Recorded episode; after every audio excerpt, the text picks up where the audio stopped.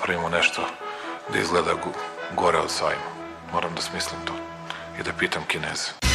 I've today left hospital after a week in which the NHS has saved my life. To se žena tiče, vi slobodno shopping. U Italiju čujem da će sada bude veliki popusti, će tamo da budu, pošto niko živi neće dođe, ali tako, u Italiju. Dobro večer. Mene su poslali iz štaba. Ja ću vam pomoći. Gde si, Zoki? Radio Karantin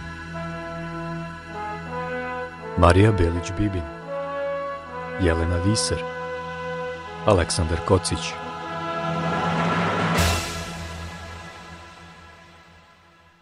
Ovo je podcast Radio Karantin, vaš najbolji vodič u regionu kroz sve aspekte pandemije. Sa vama su Aleksandar Kocić u Glazgovu i Jelena Fiser u Utrehtu. Na ovom SoundCloud profilu na kojem nas slušate naći ćete i sve naše prethodne epizode. Naši gosti su između ostalog bili Zoran Predini, pančevački band Butch Cassidy, profesor ekonomije Raša Karapandža, istoričarka Dubravka Stojanović, klinički psiholog Tijana Mandić i medicinski naučnik Svetlana Gavrilov, koji su nam pomogli da bolje razumemo aspekte pandemije iz njihove specijalnosti. A tu su i lične priče slušalaca iz celog sveta koji nam prenose kako oni doživljavaju ovaj istorijski događaj u kojem smo se zatekli bez svoje volje. Emisija koju danas slušate prvi je specijal radio karantina. Otkud specijal? Pa eto, svi koji radimo ovu emisiju volimo rock muziku, odlazili smo na koncerte i nadamo se da ćemo opet. Naš današnji gost takođe je veliki muzički fan, a osim toga i neko ko je imao priliku da upozna mnoge od onih koje volimo da slušamo. Naš gost danas je Brian Rašić, londonski fotograf koji već decenijama slika naše muzičke idole, dočarava nam koncerte na kojima nismo bili i pomaže nam da bolje vidimo i osetimo energiju i emocije koje muzika prenosi. Slika govori hiljadu reči, a tek pet slika sad ćemo da čujemo. Zamolili smo Brajana da izdvoji pet svojih fotografija i da nam ispriča zašto su mu one važne i kako su nastale.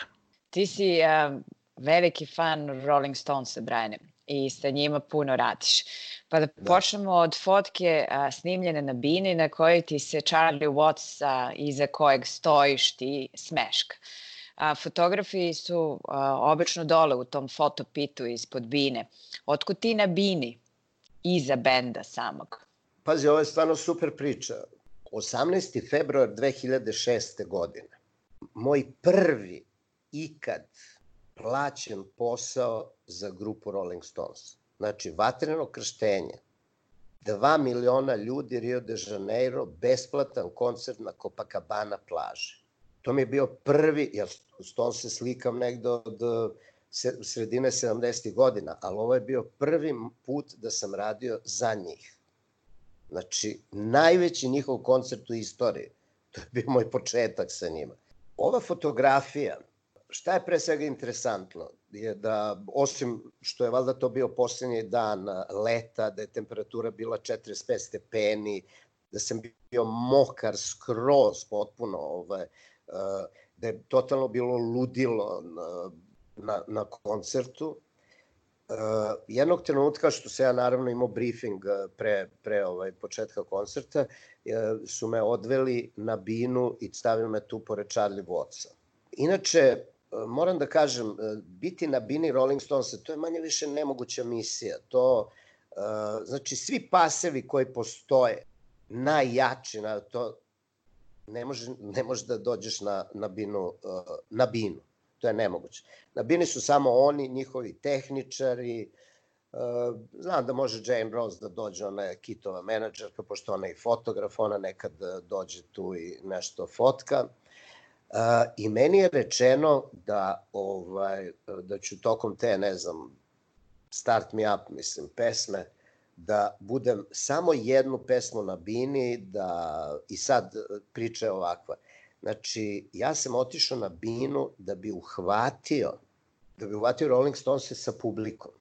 Ovde se baš i ne vidi publika kao što vidimo. Šta se desilo? Pošto je koncert bio na plaži i to je manje, manje više ovaj, jako komplikovana misija, pošto su oni plaže relativno uzane, jel, pa ide sve u, u, onako u dubinu, dužinu. Uh, oni su imali seriju tih ozvučenja na plaži, svaki 20-30 metara je bio ono da bi mogli ljudi da čuje, ne može niko da ozvuči celu plažu normalno. I jednog trenutka, to jest to kada sam ja bio na bini, trebala se, se trebala su da se upale floodlights, kako mi kažu, da se osvetli publika. Znači, svetla koja bi osvetlila kompletnu tu masu i ja sam tu na bini da to uhvatim, zajedno sa bendom. Interesantno je da je National Geographic televizija takođe bila u ovom Rio de Janeiro i da su oni pravili polučasovnu emisiju o tom koncertu na plaži. Nažalost, iz tehničkih razloga nije se nikad desilo, ta svetla nisu bila upaljena. Ali to je, ovo nisu to interesantne toliko stvari za svet, ali onako kad si tamo, onda i jesu. Ja recimo imam snimak polučasovnog National Geografika gde oni prave reportažu o tome kako nisu mogla da se upale svetla. A taj čovek koji isto mora da bude na, treba da bude na bini sa mnom, on se nije ni pojavio zbog toga što je znao da to neće da se desi. Mene su ovo doveli, jer valjda niko nije ni znao. Ja sam tek ovaj, kasnije čuo za celu tu stvar. Jednostavno, kad si tamo, onda ti moraš da uradiš ono, makar šta, šta god da možeš. Ja sam tu i, i hvatam šta mogu. Naravno, radi svetla na bini, svetla na publici. Možda danas bi to bilo lakše da se uradi, ali pre 14 godina nije moglo baš da funkcioniše. Tako da smo imali tu situaciju gde sam ja napravio fotku. Ima još jedna gde Charlie gleda u mene, ovaj, baš i smeje se. Ovaj, Charlie me gleda, ono, ovaj, Pa to sam teo da te pitam, gleda i kaže, koji si sad ti ili... Ma ne, oni sve znaju, znaš, mislim, Charlie je super lik uh, i, i ove, sve, sve je njima jasno, ali mislim, meni je uh, interesantan taj lični kontakt, jer, kažem, imamo tamo dva miliona ljudi, on radi svoj posao, malo si sa mnom onako na sme, kako si druže, znaš, ono, svi radimo nešto, a ja totalno, pazi, nalazi na planeti Rolling Stones, to je, to je, ne da je privilegija, nego je to, mislim, potpuno čudo. To je bilo moj prvi put da sam ja bio na... Naravno, kasnije sam imao te privilegije koje opet su ukinuli. Ovaj, ali ja sam bio još u Hyde Parku dva puta na Bini za dva koncerta i na Glastimaru sam bio ja uh, i jednom još na Bini. I to je, eto, četiri puta na Bine sa Rolling Stonesima i zaista na tim velikim koncertima i Glastimir je bio jedini put i tako dalje. I to je ovaj, na neki način, mislim, ta neka drugačija fotografija. Mislim, ima fotki Stonesa koliko hoćeš, šta zna, ali ovakvih nema. I zato mi je ta draga fotografija, ali kaže, to mi je prvi put da sam radio sa njima, najveći koncert njihov, i onako malo uh, pokažeš gde može da te dovede tvoj rad ili tvoj neki životni put. Šta znači kad kažeš da si radio za njih? Šta oni rade s tvojim fotkama? Šta oni rade? Pa evo ovako, mislim. Okače na zid? Ne, vi, mislim, to je, to je dobro pitanje, Saša. Znači, ja kada, kada uradim uh, fotke, onda uh, obično celu noć radim, izaberem fotke, pošto ih ima uh, dosta, i onda u neko doba oko 9 sati ujutru uh, pokazujem moje fotke, dvoje ljudi gledaju fotke, nekad je to bio Tony King, znači lični PR Mick Jaggera i James Rose koji je još uvek lični PR i menadžer Kit Richards. Znači, ja njima pokazujem fotke i oni ovaj, mi kažu, ok, ok, mm, Uh, no, no, ok, uh, I'm not sure, uh, ok, ovo je slična, ne treba to, to. I konkretno kad je taj koncert uh, u pitanju uh, ovaj, na, na plaži, ja sam bio šokiran koliko su meni odobrili oni fotke. Jer postoje te priče uh, koje ja znam sigurno da nekad, uh, ne znam, možda kažemo čak i 80. godina, da su fotografi investirali, neki privilegovani fotografi su investirali pare, pa putuješ sa Stonesima, ostaješ sa njima u hotelima, uh, tim jako skupim i slikaš 4-5 koncerata i onda ti oni odobre tri slike. što znači katastrofa totalna. Mislim. Ja se sećam, ja sam tu imao veliki broj slika i nikad neću zaboraviti ovaj, kad sam to rekao Toniju, ja kažem, Toni, honestly, I come, u stvari moram na našem, da rekao, ne mogu da verujem, ovaj, ne mogu da verujem da toliko fotke sam dobio, kao da su okej. Okay. Jer kao ti si poznat kao tough, kao jako nezgodan kada su u pitanju fotografije Rolling Stones. Znači. I, ovaj, i uh, tad je počela zapravo ta moja priča sa Rolling Stonesima koju ja nisam ni, ni znao.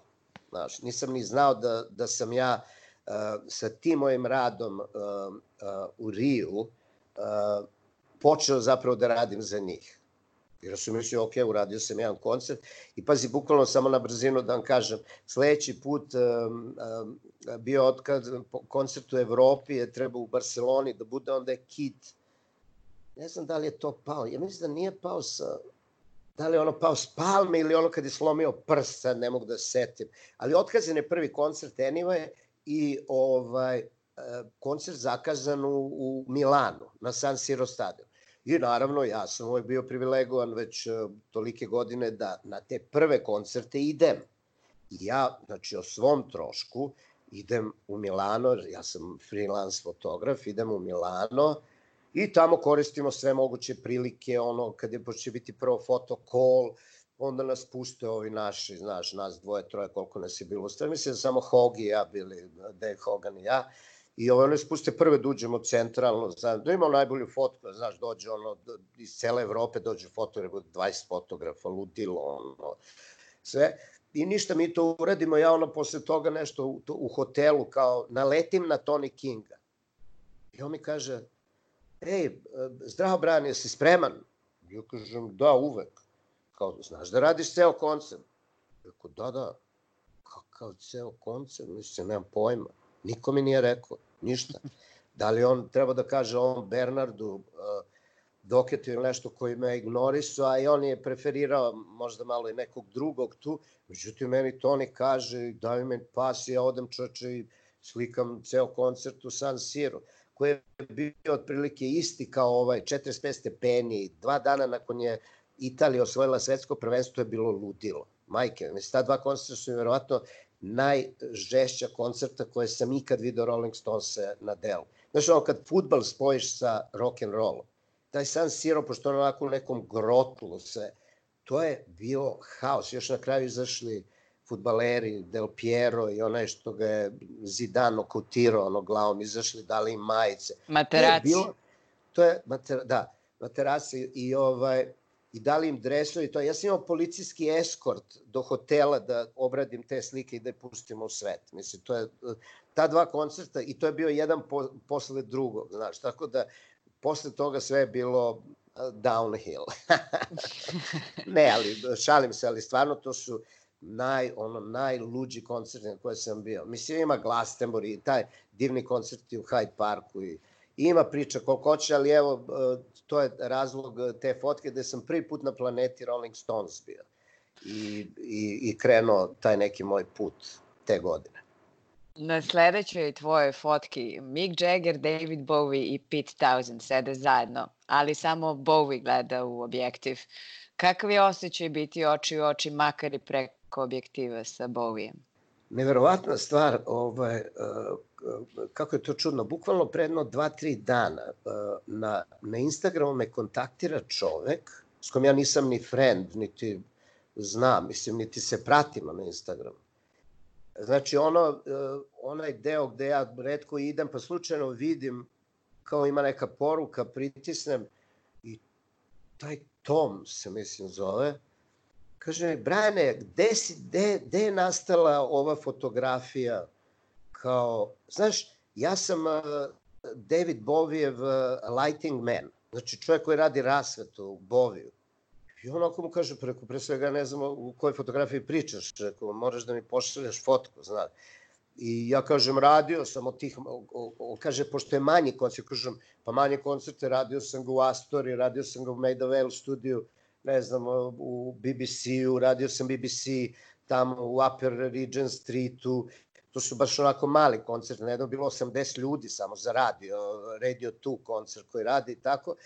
I ovaj, rekao, ali pošalji mi pa ću da vidim. I on mi pošalje fotku uh, koji, uh, da, i onda kad sam ja rekao to radio sa Masterom, on kaže, e, pa ja sam doveo Jaggera i Tausenta na onaj after show partija. Kaže, e pa ja sam tu sliku napravio. Zna, pazi, ja nikad uošte ne znam čoveka, ni dan danas. I evo da sad pričam, a pazi, ovo sam izabrao pre nego što me Tom kontaktirao. Znaš kako je čudan, kako je čudna priča. Dakle, u Astoriji, u Astoriji te 99. godine imao je Bovi, kako bi rekli, mali koncert. I taj mali koncert, koliko tu u Astoriji, Saša, šta tu, ne, koliko je stalo? Pa ne znam da li može stane hiljadu ljudi. Pa recimo neke hiljadu i po, ajde mislim. Nažalost, te Astorije nema više. To je mm. sad Totem Court Road fucking station, šta god, mislim, ludilo neko. Sve je porušeno. Boga mi, tu sam gledao i Rolling Stones i mislim, uh, Greota, mislim, Greota uništeno jedno predivno mesto za, za koncerte u Londonu a to je sad već i zaboravljeno, naravno. Dakle, posle tog e, fenomenalnog Bovijevog nastupa bio je parti u tom nekom e, klubu, e, Pop se zvao klub, bukvalno na Soho Square-u, znači 100 metara mm. iz backstage-a kad izađeš, I ja sećam, išao sam baš sa Bovijem i nešto sam ga slikao kad... Jer ljudi znaju, to je nevratno, bilo ljudi ispred kluba i siđemo dole i to je bilo, mislim, bio je ovaj Fatboy Slim, bio, bili su, bile ova Skanka Nancy, pevačica, bio je Neil Tennant, Boy George, bilo je puno zvezda, hoću kažem, na tom partiju, jel? Međutim, pošto je uvek taj neki VIP, VIP i onda je mene uh, Alan Edwards, uh, jednog, ja nisam ne video ove, uh, i mene Alan Edwards uh, jednog trenutka, da bilo i Jerry Hall još u to vreme i tako, bilo puno poznatog sveta, ja to sve fotkam. Ali ovi su ovaj, bili ipak malo odvojeni, jel? Uh, I zove me Alan i kaže, sad napraviš fotku kako nikad nisi u životu napravio, počeš nešto napalio me, ja gledam šta sad i uđem, pazi, ono bio je mrak, mislim, totalan, ja sam presrećan kako je to ispalo, ja sam napravio 5-6 fotografija. I ovaj, um, i tu sede, kažem ti, sa Bovijem uh, ova dvojica je, mislim, to mi je uh, nekako posebno draga fotografija i još jedna koji, ovaj, o kojoj ćemo verovatno sledeće da pričamo. Jednostavno, pazi, na ovom imaš, ja čak i vezujem sa ovom sledećom, ovo se zove British rock and roll, a druga se zove British pop. A pazi, ovo su, ja ne znam da li postoje neki veći predstavnici da uzmeš od ovih, od ovih znači Rolling Stones, The Who i David Bowie, mislim, na jednom mestu. Mislim da se to više nikad nije desilo, a nažalost ni ne može više da se desi. I to je fotografija koja će biti zapamćena. E, ja se sećam e, kada je e, David, kada je napustio David, recimo Huovci su koristili ovu moju fotku na svom web sajtu verovatno je Pete uh, insistirao pa je stavio. Tako nekad kada vidim, uh, stigne me neka emocija, stvarno, mislim, uh, i, i koliko, koliko je ta fotografija apsolutno neverovatna, a naravno više nema Davida i tako. Ja sam imao prilike da ga upoznam, moram sam malo se pohvalim, i da se sretnem sa njim i to na Bini posle koncerta na Wembleyu, u Wembley areni. Ja mislim da je bilo tako neka 2000-ta kad me je ovaj Virgin zvao i kao aj doćeš da, znaš, da, bilo je nas jedno 7-8 novinara i on je posle svirke došao i malo s nama razgovarao, rukovao se i ostao mi je u sećanju kao izuzetno jedan fin i prijatan čovek. Ali eh, David Bowie je bio majstor imidža, ono, rock kameleon, E, kakav je bio za slikanje?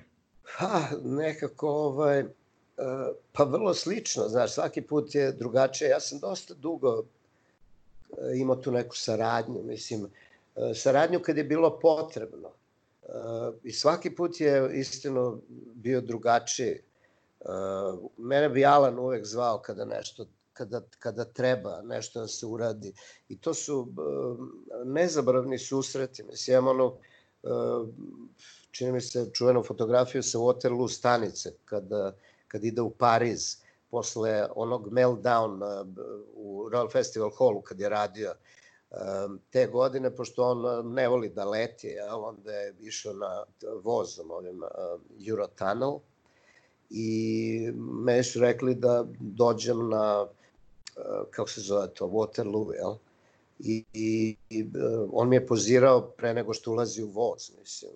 I to je neverovatna stvar, ja sam posle to njegovo odelo i šešir i cipele video na toj izložbi Bovijevoj, mislim, koja je obišla ceo svet ali kreteni nisu iskoristili moju sliku, ono, da stave tu pored, mislim, ne mogu da verujem, mislim, jedini sam ja imao tu fotku, oni stave odelo čoveka, a nema fotografije pored, makar da se vidio, jer on to nosi odelo samo na tom putu, valjda od Londona do Pariza, za slikanje, znaš, ono.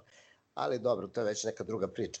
Uglavnom, ovaj, sa Davidom sam imao, uh, uh, naravno, puno, puno ovaj, uh, divnih susreta, i ja sam radio i Tin Machine u Danskoj sa njim i ne znam, nekako dragi, dragi su mi ti manji koncerti, taj u Maida Vale-u i, i u tom BBC Theatre se zove, u Upper Regent Streetu, mislim, gde, to je samo za fanove koncert, e, to je ludilo.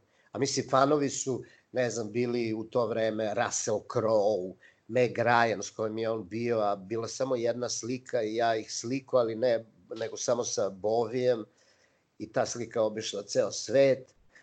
I ovaj, znaš ono kada, kada zvezde hoće da se slikaju s njim, mislim, pazi, opšte je poznato i da je Boy George veliki obožava s njega, pa recimo Robert Smith, The Cure, znaš, slikaš Robert Smitha sa Bovim, on sav ono istopi se, znaš, to je ono gde ovaj, srećeš heroje heroja je, da, da. mislim, da. ludilo, totalno, znaš.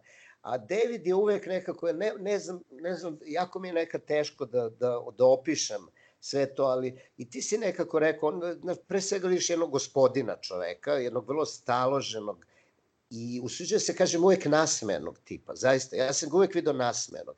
Ja nikad nisam vidio, pa ako pričamo o Kit Richards, on, on promeni raspoloženje u deliću sekunde. U deliću sekunde je, ne ja, ja nemam nikakva negativna iskustva, ja recimo, sećam se neki fotokol, on ja radio s njim e, za knjigu live i ne znam, samo neko dobaci od fotografa nešto, ono, jednom ovako opadne lice i odmah sam bi da izvadi nož, jebo to neko nosio, znaš, one peroreze u džepu, mislim, ali odmah sledeći već je pozitivan, ali nikad ne može nešto mu kaže da on to, ovaj, ako je čuo da ne reaguje, pa ako je bez veze, ima nas svakakvi fotografa, naravno, i ovaj, neko pravi neku glupu opasku, nešto, i ovaj, odmah da mu ono, znaš, odmah da se potuče ako treba. David, nekako ne znam, to, je, to su ti neki uh, ljudi harizmatični koji bukvalno kad uđe u prostoriju nešto kao da se desilo, a samo je ušao čovek, mislim.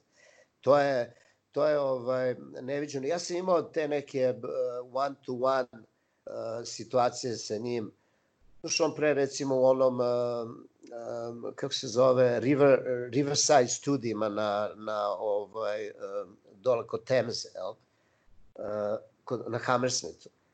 Uh, I tu sam radio koncert koje prenosilo se, prenosilo se u bioskopima, sve za reality turneju, to što si ga sreo na Wembley. I ovaj, da, da. ja sam tu fotkao, ali pre koncerta, on mi samo kaže, ej Bran, kao, kao, let's make a couple of shots. Mislim, mrak, ja ne, znači, ja ne mogu da kažem čoveku, ono kao, ja, pa nemoj, ajmo nešto, ajde unutra, jer to je gotovo, taj momentum uh, prestaje da postoji. E, I on kaže, aj napravimo fotke, nešto, i onako stane, ja blicem ga slikam, pazi, mislim, to su istorijske fotke. I tad su bile, ali ja sam nezadovoljan kao fotograf, znaš, mislim, nekako, uh, mislio sam može to nešto bolje da se uradi, ali ne možeš ti tu sad nešto kao, e, nemoj ovde, ajmo tamo. Nema tu, jer on treba da izađe na binu, a kao ima novi imidž, niko nije video, na što je fotka koja radi posao, i njemu, i meni, i celom svetu. I tako, ove, i to, znaš, takve neke stvari su nekako, ne znam, nezaboravne te, Ma kakve, mislim, mogu da vam pričam koliko hoćeš, ali E, ništa, evo- osjećam se da ništa nisam ni rekao, znaš, ne možeš ti da preneseš to nešto, na kraju David Bowie, svi ga volimo i, i volimo tu njegovu muziku, ja sam privilegovan da sam bio sa njim toliko puta i imam fotke sa njim i mislim, pazi, ja imam potpisanu fotku na kojoj se nalazi moja fotka sa njim koja je slikana sa strane Mark Adams radio, to je Total Blam Blam, njegov čovjek koji je radio web sajt njegov i sve to, koji mi on dao godinu dana kasnije. I mu kaže, imam ja fotku, ova uh, Gaylin Dorsey me slikala uh, na, na tom partiju u, u BBC Theater, koji mi je on potpisao, naravno, kasnije. On kaže, "Evo, ovako nemaš. Na tom, na tom koncertu BBC teatru, to je valjda 2000. godine bilo, izašla je neka limited edicija ovog uh, CD-a. Znaš, jel se sećaš možda to kako izgleda? Ima njegov jedna slika, nešto gleda Imam sa ga. strane. Sećam Imaš, se. pazi ovako. Ja imam fotografiju, gde je ta fotografija omota ploče, a pored toga fotografija mene i Davida, gde je više nego jasno da su oni tu fotografiju Davida, koji se slika sa mnom, da Gaylin Dorsey ga slika, iskoristili za Pasivkinja. omot te ploče. I David, kad sam mu to pokazao, mislim, prošlo je sigurno godinu dana, ako ne više, kad se kaže, evo, moraš da mi potpišu, kaže, pa ovo je nevjerojatno, rekao, da, I'm your silent partner, mate, on, on your uh, record, znaš, mislim, ja, ja se, tu sam, a se ne vidim. pa to, to je suluda priča, je li tako? To nikom ne znači, meni znači, ali nekad je okej da se podeli. Je. Radio karantin. Evo još jedna slike na kojoj tvoji objekti nisu na bini, nego sede ispred tebe. Uh, izdvojio si nam ovu sliku. Noel Gallagher, Paul McCartney i Paul Weller. Gde je ta slika nastala? Uh, ta slika je nastala uh, 95. godine, negde u septembru mesecu, u Abbey Road studiju broj 2. Pre svega ja sam dobio neki zadatak da, da tog dana je snimljen legendarni Help album igrom slučaja za decu Bosne. To je znači charity album gde se veliki poznati muzičari um, sakupljaju i prave neke cover verzije nekih pesama, pa šta znam, ja sam recimo uh, radio ovog special, Terry Hall je pevao, pevao je neki duet i on, i sve je bilo, sve se dešavalo u jednom danu, znači svi snimci su nastali u jednom danu, maltene ono, iz par tejkova, štampana je ploča sledeći dan, to je CD u to vreme, i, i to je izašlo i to se sigurno dobro prodavao i kompletan prihod, ne znam, sećaš sigurno Saša Go Disc, to ne postoji više. Da, da, da. Jeff Oni su Travis. izdavali, taj Go Disc je uh, izdao tu, taj CD i ovaj, ja sam Brian bio Eno i- je bio izvršni i na producent. promociji, tako je, na promociji bio Brian Eno, um, čak je bila i Kate Moss, uh, sećam se. Bili ne, ne, zajedno. ne. Metropolis studio, znaš, taj na Čiziku. I ovaj, uh, šta se dešava? Meni kažu ljudi, kao, znaš, ide u Abbey Road, uh, ne ljudi, nego agencija, uh, mi kaže, idi u Abbey Road, tamo je kao Noel Gallagher, Paul Weller i to, i ja kao, ok, dođem u Abbey Road, i me puste i ja tu nešto muvam se, čekam priliku, ovi snimaju Come Together, Beatlesa. Uh, Smoking Mojos su se nazvali, njih dvojica, No, pazi, Paul Weller i Noel Gallagher, mislim, velika priča. Ipak Oasis 95. godine, mislim, ono, mega carevi, jel? I ova Paul Weller, naravno. I sad, ovaj, tu nešto, tu kao nešto dešavalo, ladno u studiju ulaze Paul McCartney, Linda McCartney, Johnny Depp i Kate Moss, s kojom je on bio u to vreme. I sad ti malte ne ono, znaš, kao, se kao da se dobio na lutriji. Nažalost, nije priča baš takva, pošto su uh, svi oni otišli u dvojci, bio si, znaš, znaš gore onaj, uh, u stepenice, kad se popneš ima gore onaj control room, gde su se oni popeli uh, gore u control room, pogotovo Kate Moss, misli, kako da slikaš Kate Moss, bre, šta ti, nema šanse. I ona je otišla gore sa Lindom uh, McCartney, tako da nisam uh, ni nju uh, fotkao, ali je Johnny sišao. Tako da ja imam fotku i sa Johnny Deppom, njih trojica, ali mi je ova daleko interesantnija, zato što je ipak jezda i ono svira i sve to, ali ovo je priča za sebe. I ono što je neverovatno, da uh, ovaj uh, Polov tehničar koji je uvek sa njim je primetio da na taj dan, ja sam zaboravio tačan datum, znam da je 95. godina, a ovaj, igrom slučaja uh, sačuvao sam i kaznu koju sam morao da platim za automobil, za auto koji je bio parkiran iza ćoška, ali naravno da ne bi izašao, mogli su i da ga nose, platio bi šta god doćeš, mislim, nego, znaš, on platio sam, uradim posao koliko god je bilo, međutim, zakreš čekala me karta i to sve mi stoji u onom, u toj CD-u ovog, sačuvao sam kaznu za uspomenu, što uvek bacimo, naravno. I ovaj, kaže on njemu ovako, kaže, Pol, ja sam se sad setio datum, ovo, ono, kaže, pa da li ti veruješ da je današnji dan tačno, nije važno koliko godina, ali vi ste prvi put ušli Beatlesi u Abbey Road studio da snimite Love Me Do. Znači, 62. Prvi, 62. godine, 95. na dan je bilo kako su Beatlesi ušli u studio. To se ne vidi na slici, ali ja ne mogu to da zaboravim, znaš, to je ne, totalno suluda priča. I sad ja, Me, ovaj, Meni je ta da- fotka da... tvoja fenomenalna, ne vidi se možda to, ali se vidi nešto drugo i zato mi je ta tvoja fotka koju znam od ranije fenomenalna, jer vidiš McCartneya i vidiš dvojicu ljudi koji su po mom mišljenju možda najveći nastavljači tradicije Beatlesa u Britaniji, Weller i Gallagher. Apsolutno, da. I pazi, ja sam uh, organizovao ovu fotku, znaš. Čak i na filmu uh, ima neki video uh, za Come Together Smoking Mojo, znaš, gde se ja vidim na, na kraju, kada već idu te neke odjavne špice, nešto vidim se ja kako ih fotkam, znaš.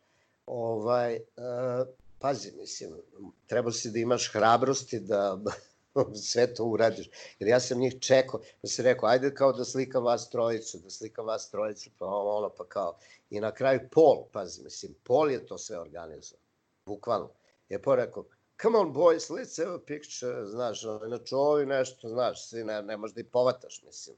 Ali gazda tu kad kaže, aj se slikamo, ovo, ono, i to je ta fotka, jer stvarno, mislim, ti si već sam rekao, znači imamo Beatles, imamo Oasis, imamo uh, aj dobro, Style Council, Jam pre svega, Style Council i Paul Weller i, i, i bukvalno ovaj, uh, bukvalno je to tako, ali ja ovo zovem slika the best of British pop, ono je the best of British rock, malo što smo pričali. I to je zaista ono što se kaže jednom u životu da tako nešto može se desi. Zaista sam ponosan na, na te fotke. Inače, ovaj, moram da kažem da sam ja tu uh, ovaj, u to vreme dok su oni to sve radili, ja bio s njima, uh, napravio i selfie sa Paul McCartneyem. Uh, selfie, naravno mnogo pre selfija, pošto sam ja to sa 17 mm objektivom slikao nas dvojicu i Paul onako pokazuje nešto, on, uvek on mora neki prst ono da staje i, ovaj, i vidi se lepo iza, vidi se ovaj, te stepenice koje su ti kogod zna malo Beatlesa i bilo šta Abbey Road, znaju da je to studio 2 u ovom Abbey Roadu, gde sam se ja slikao sam sa njim i on mi ovaj, potpisao to kasnije, to mi je jedno od relikvija, naravno, znaš, kao Paul i ja, Cheers Brian, Paul McCartney.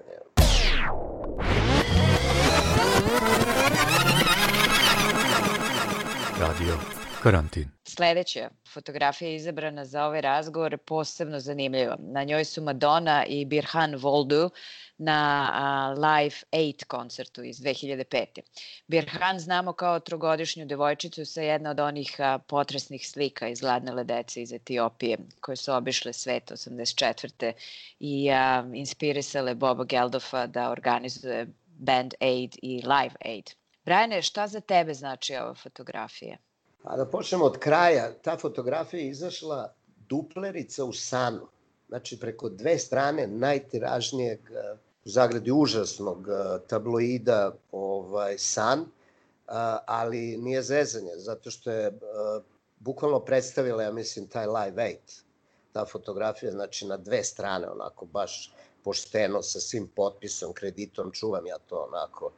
Uh, imao sam na, sa Madonom, igra slučaje, imao sam naslovnu stranu sa Madonom, kada je radila Girly Tour, a Piers Morgan nije valjda bio pozvan na partiju, on je radio taj bizar kolom u, u ovaj Sanu u to vreme i on je ovaj bukvalno napisao najgoru recenziju, kasnije to povuko, najgoru recenziju ovaj, o Madoninom koncertu, a moja fotka preko cele strane je bila ona kako izlazi nešto od dole, a bio neki plamen se video ispred to, pa izgledao kao da se ona spaljuje, pa je to opalili su na naslovnu stranu. I to su stvari, ta, ta naslovna strana Sana i ova ovaj, fotka preko dve strane San, to je ono, u mom pošpazi, ja sam muzički fotograf, da imaš naslovnu stranu San i duplericu, to je nemoguće.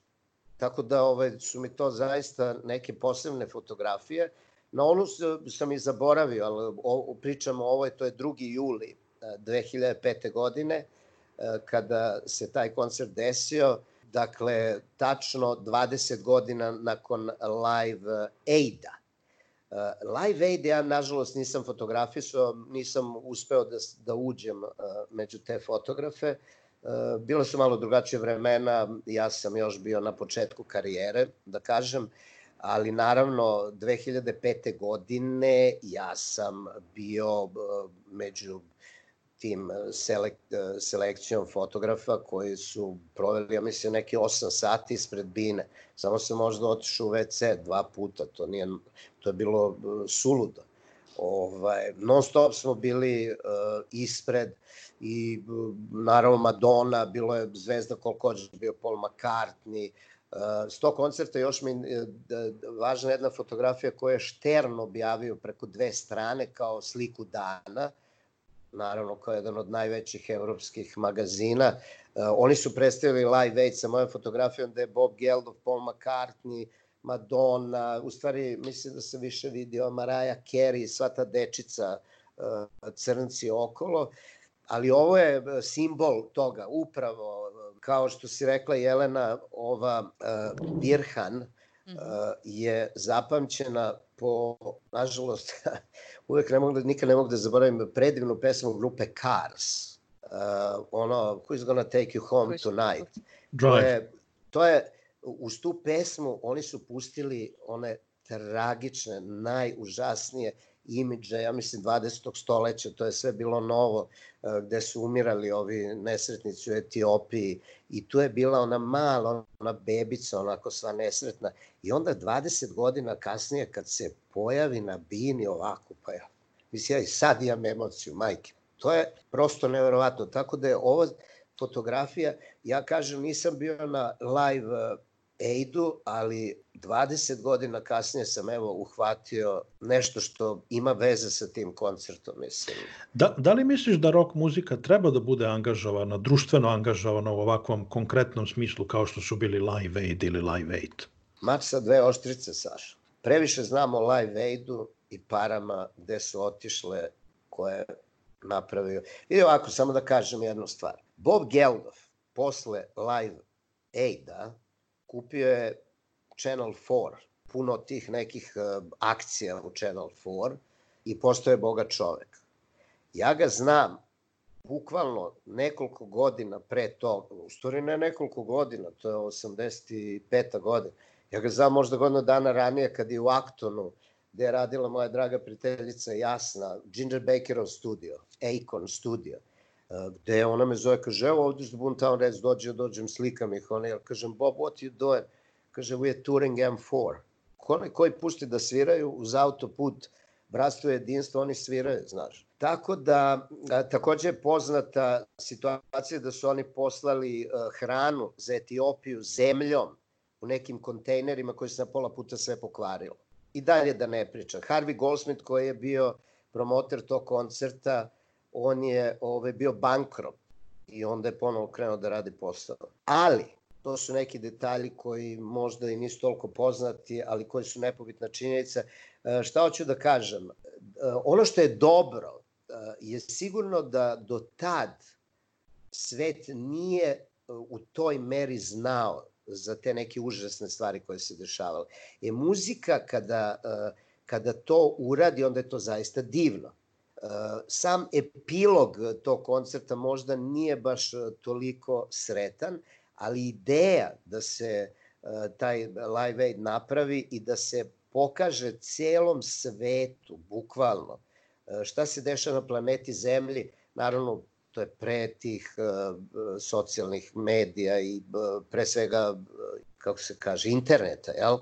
Um, i, I vesti su drugačije putovale i bile su uh, naravno i editovane i limitirane i tako dalje. Ovo je preko, bukvalno u jednom danu ili dva, da kažem, zbog koncerta u Americi, koje je kasnije bio u Filadelfiji, uh, ceo svet je odjednom shvatio da uh, nije sve hunky dory, nego da postoje velike tragedije paralelno sa životima ljudi koji žive najnormalnije.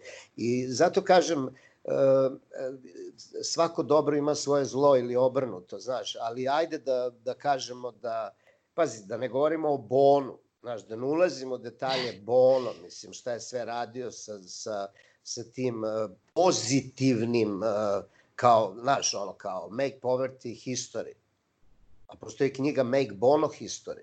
Sve zavisi, ako gledamo celokupno, ima, mislim, ljudi koji bi mogli da odu u zatvor, ladno, ali i to ne ovi koji, o kojima sam pričao, samo kaže da sigurno postoje ljudi koji su se ogrešili pred Bogom, ali postoje strašno mnogo pozitivnih aspekata. Znaš, ja nažalost znam i jednu i drugu stranu priče, pa sam malo uh, skeptičan i teško mi je da odgovorim na to pitanje, ali ajde na kraju da ovaj da kažemo da je okej. Okay. Znaš, ja sam tamo 80. godina uh, putovo po Indiji 82. treće godine i sreo sam se sasvim namerno, insistirao sam kad su mi rekli ljudi da je to nemoguće, da, da vidi majku Terezu.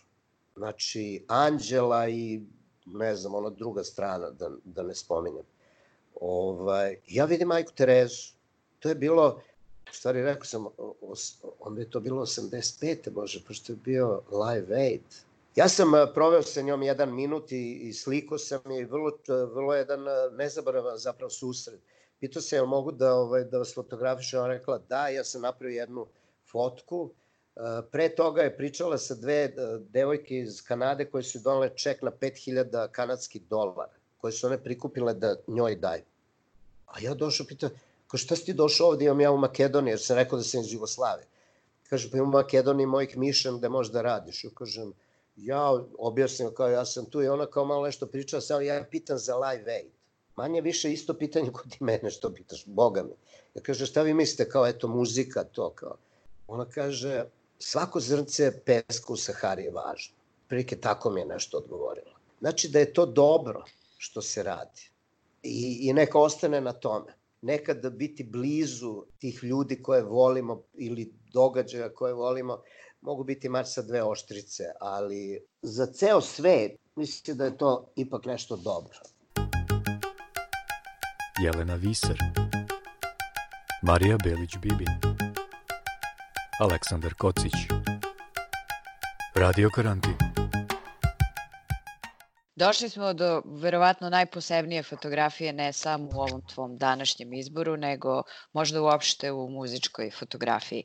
Na toj fotografiji je Amy Winehouse koja je obgrlila samu sebe na bini u Beogradu. Ubrzo posle toga, posle tog koncerta ona je preminula. Na toj fotografiji ona deluje preplašeno, ili od susreta a, sa publikom ili od same sebe? To je 18. juni 2011. godine, poslednji koncert koji je Amy uh, igrom slučaja održala u Beogradu. Njen poslednji u životu, a moja priča je isto jedna od onih suludih priča, mislim. To je, uh, moj dragi prijatelj, jedan od najvećih PR-a u, ne, u istoriji Britan, u engleske da kažem, Alan Edwards, je bio njen PR. Njen menadžer mi je isto bio drugar 100 um, godina, jer ga znam još kad je radio za firmu koja je uh, organizovala koncerte i davo mi fotopaseve po raznim, uh, raznim Dvorana. koncertnim, koncertnim dvoranama, da. I ovaj, da je onda krenuo svoj biznis i na kraju je bio menadžer Amy, divan čovjek. I ovaj, ja dobijem bukvalno posao koji nije bio plaćen. Sada su me pitali, i to nikakve nije imalo veze ni ko sam ja, ni odakle, ne, ne ko sam, nego odakle sam. Nikako nije imalo veze odakle sam, jer to je već koliko sam ja godina bio do tad već u Engleskoj i mislim neko je neko je možda i znao da sam ja nešto baš iz Beograda, ali to nije bilo nikakvih privilegija ili zbog toga da sam ja došao u Beograd da kao oficijalni fotograf Amy Winehouse. Prvi koncert njen na turneji koja se nikad nije desila. Ništa, ja sećam, ja sam došao, valjda, mislim da sam došao možda dan ranije, I imao sam, kao i uvek, neki taj mobilni broj koji sam koristio ovde. Kako sam uključio telefon, su počeli da zovu sve moguće neke, ne neke, nego naše novine, od politike do blica. I svi su me nešto grdili. A ja ošte nisam znao čemu se radi. Postavili su mi pitanja kako vi možete jedini da slikate Amy Winehouse u Beogradu, to nije u redu. A ja bukvalno ne znam o, čemu pričaju ljudi. I tako sam im govorio, znači, ja uopšte ne znam o čemu vi pričate. Ja, ja sam sad doleteo i znam da slikam Amy Winehouse sutra, zato sam došao u Beograda, drugo nemam pojem. Zapravo, ne, vrlo brzo posle toga ja sam ukapirao da svi uh, lokalni fotografi uh, koji su tražili akreditacije da slika Amy Winehouse, koja je već bila zaista popularna u svetu, imali za sebe i Grammy Awards i jednostavno bila je neka nova pop star, ali izuzetno kvalitetan, kao to je bila neka, ne znam da li je reč razlika, ali bila je zaista hvaljena i cenjena. I ja saznam tu da, da, da ovaj, niko nije dobio fotopas, da ne mogu da slikaju to. Znači ono klasično prve dve, tri pesme da, da fotkaju, niko nije dobio pas. I ja polako, ali sigurno saznajem da sam ja jedini čovek koji to slika. Što meni na neki način, meni to nije bilo ni u džep, ni iz džepa. Niti sam ja mogao da učestvujem u tom, niti, niti naopako da bi ja rekao kao ja ću jedini da slika, nego to je bio menadžment koji je rešio da, uh, pošto sam ja ipak radio za njih, da jedini ja to slikam, drugi niko ne može da fotka. Ipak prvi koncert, ništa se ne zna kako će biti. Ispostavilo se da su imali dobre razloge i što naravno niko nije od to vreme znao. Ja sećam da sam bio u backstage to su radili ovi makedonci, Boban i njegov pokojni brat. Organizovali su oni puno koncerata i u Beogradu u to vreme, posle su samo se orijentisali na Makedoniju. Avalon se zovu i Miloševski Boban, divni ljudi, dva, kažem, rođena brata. I ovo, još su imao backstage i sve tu i dolazi Amy i bilo je čudno sve bilo, ja se sećam, pošto je Amy, menadžer mi mahne, ali nisam imao nikakav kontakt sa njim. Amy je došla kolima i kad je, i ušli su u backstage kolima do tog nekog dela gde niko nije mogao da priđe, sve bilo ne, ne samo ograđeno, nego i nije moglo ništa se vidi, sve je bilo zamaskirano, da tako kažem. Ja sam bio u tom backstage ranije, mislim ništa, ono, naprave ljudi, on uvek traži, ima taj spisak stvari koje traže, to je sve bilo tu, ali uh, jednostavno nije niko imao pristupa, čak ni ja kao fotograf sam rekao, no, no, no, niko, ok, nema veze.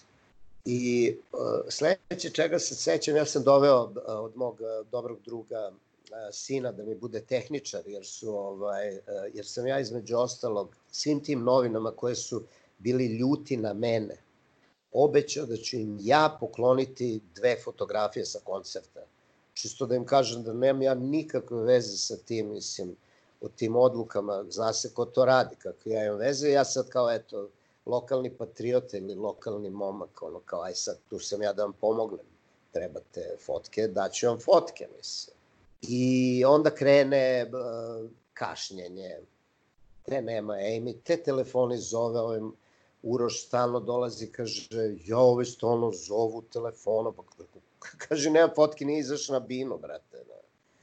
I ove, konačno Emi izađe ja se sećam sa moje tačke gledišta, jako je bilo nezgodno, mislim, Bina je bila visoka, a pit gde sam ja bio je bio jako uzan, tako da ja mnogo toga nisam ni video zapravo, mislim, morao sam da idem nešto sa strane, da dobio neke uglove, nije baš bio lak posao.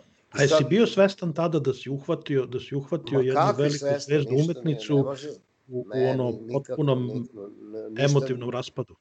Jednostavno, ja čega se sećam je da je Amy jednog trenutka izašla i da je odmah pala, ali ja to ne vidim.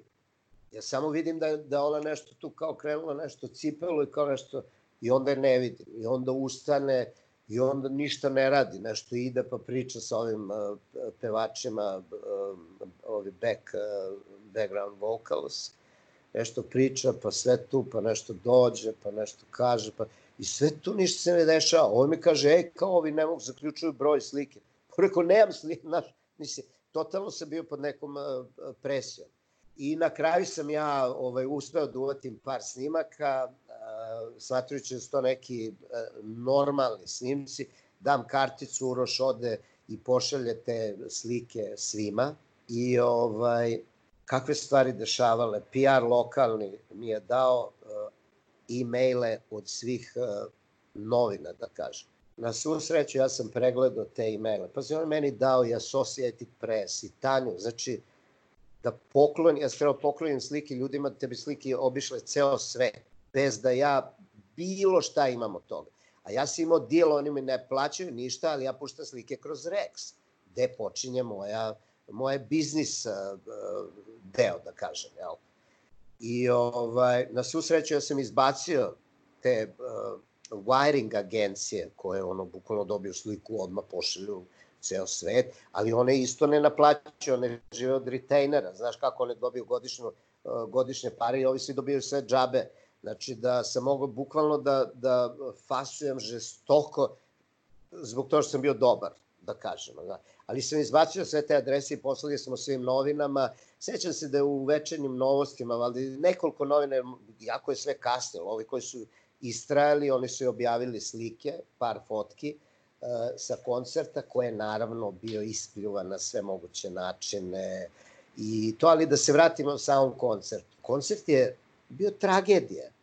Nisam ja toliko svestan bio toga, moram priznati, jer ja sam koncentrisan na moj rad. Mislim, znaš, ti radiš šta radiš, ja pokušavam to da zabeležim. Sve to relativno kratko uh, trajalo, s tim što su ljudi i to ispljuvali, ali su neznalice. Uh, uh, niko ne zna, to se misli desilo Red Hot Chili Peppers u legendarnom koncertu u Inđi od svih mesta na planeti Zemlji gde su valjda oni svirali neki 70 minuta. Ono što ljudi ne znaju da je Amy Winehouse bila opening act, znači ona je bila predgrupa Mobiju, koji je tek, ja Mobiju nisam ni video, prosto morao da radim. Znači, Mobi je bio headliner, a svi koji nastupaju pre, oni ne, nast, ne, ne sviraju koncert dva i po sata, nego sviraju sat vremena. Jer, zna se, Pre toga su bili e, Zemlja gruva, valjda naši, i onda je izašla Amy i posle je bio Mobi. I navodno da kad je Mobi izašao da je već pola ljudi otišlo kući razočarano tim tragičnim nastupom e, Amy Winehouse i ovaj, to je taj koncert je ušao u istoriju. E sad priča o ovoj fotografiji je sledeća. Ja kao čovjek koji radi sa nekim. Moja dužnost da e, tog nekog prezentujem u dobrom svetlu. Ja da puštam ovake fotke. E, Amy Winehouse sa koncerta u Beogradu, to nije cool. Nije cool. Ja sam se maksimalno trudio da izaberem najbolje što postoje. Čak ima neke fotke da ona kao nešto, ima neki osmeh i nešto, ali malte ona nije ni pevala tamo, nego je samo nešto pričala i ne, totalno ludilo bilo, ali da kažem, u okviru svega toga što sam ja video za ti neki sat vremena, ja sam uradio najbolje što sam mogao i to su te slike koje su otišle u svet. Neposredno posle toga, desilo se što se desilo, ja sam onda prešao kroz sve moje te fotografije i tek onda, kada nje više nije bilo, ja sam pustio fotografije koje zapravo prezentuju ono što je bilo na tom koncertu.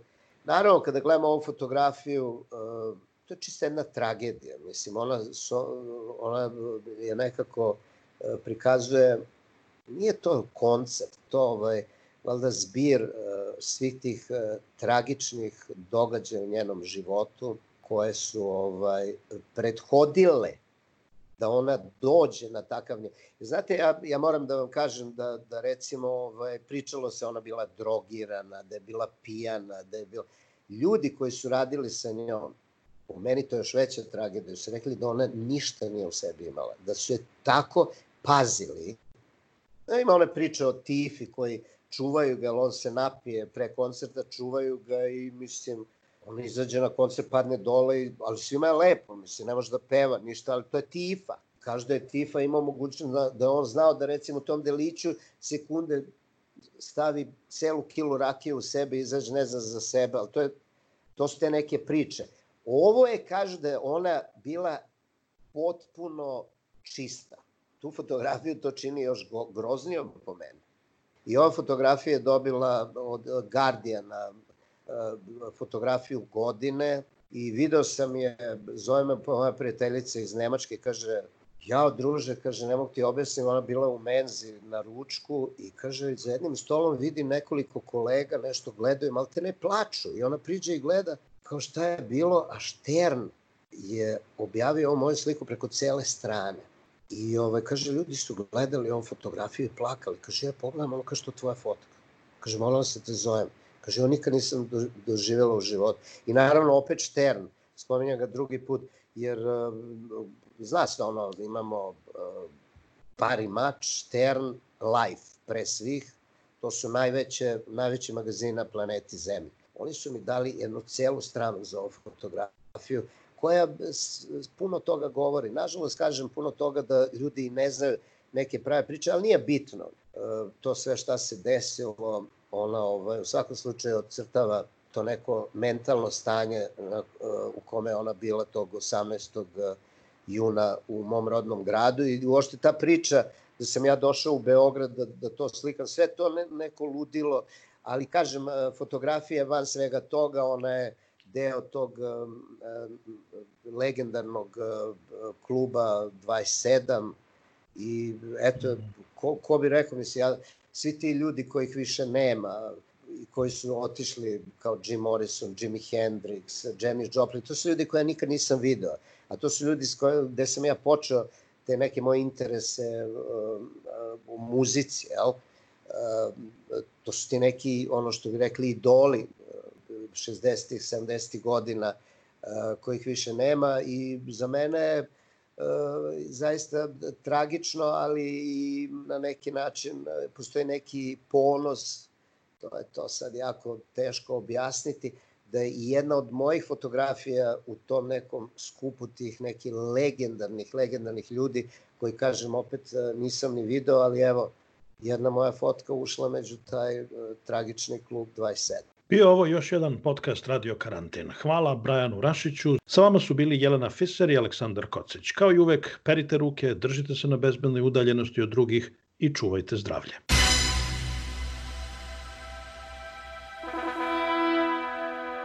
Moramo da napravimo nešto da izgleda gore od sajma. Moram da smislim to i da pitam Kineze. I've today left hospital after a week in which the NHS has saved my life. Što se žena tiče, vi slobodno u shopping. U Italiju čujem da će sada bude veliki popusti, će tamo da budu, pošto niko živi neće dođe, ali tako, u Italiju. Dobro večer. Mene su poslali iz štaba. Ja ću vam pomoći. Gde si, Zoki? Radio Karantin Marija Belić-Bibin Jelena Viser Aleksandar Kocić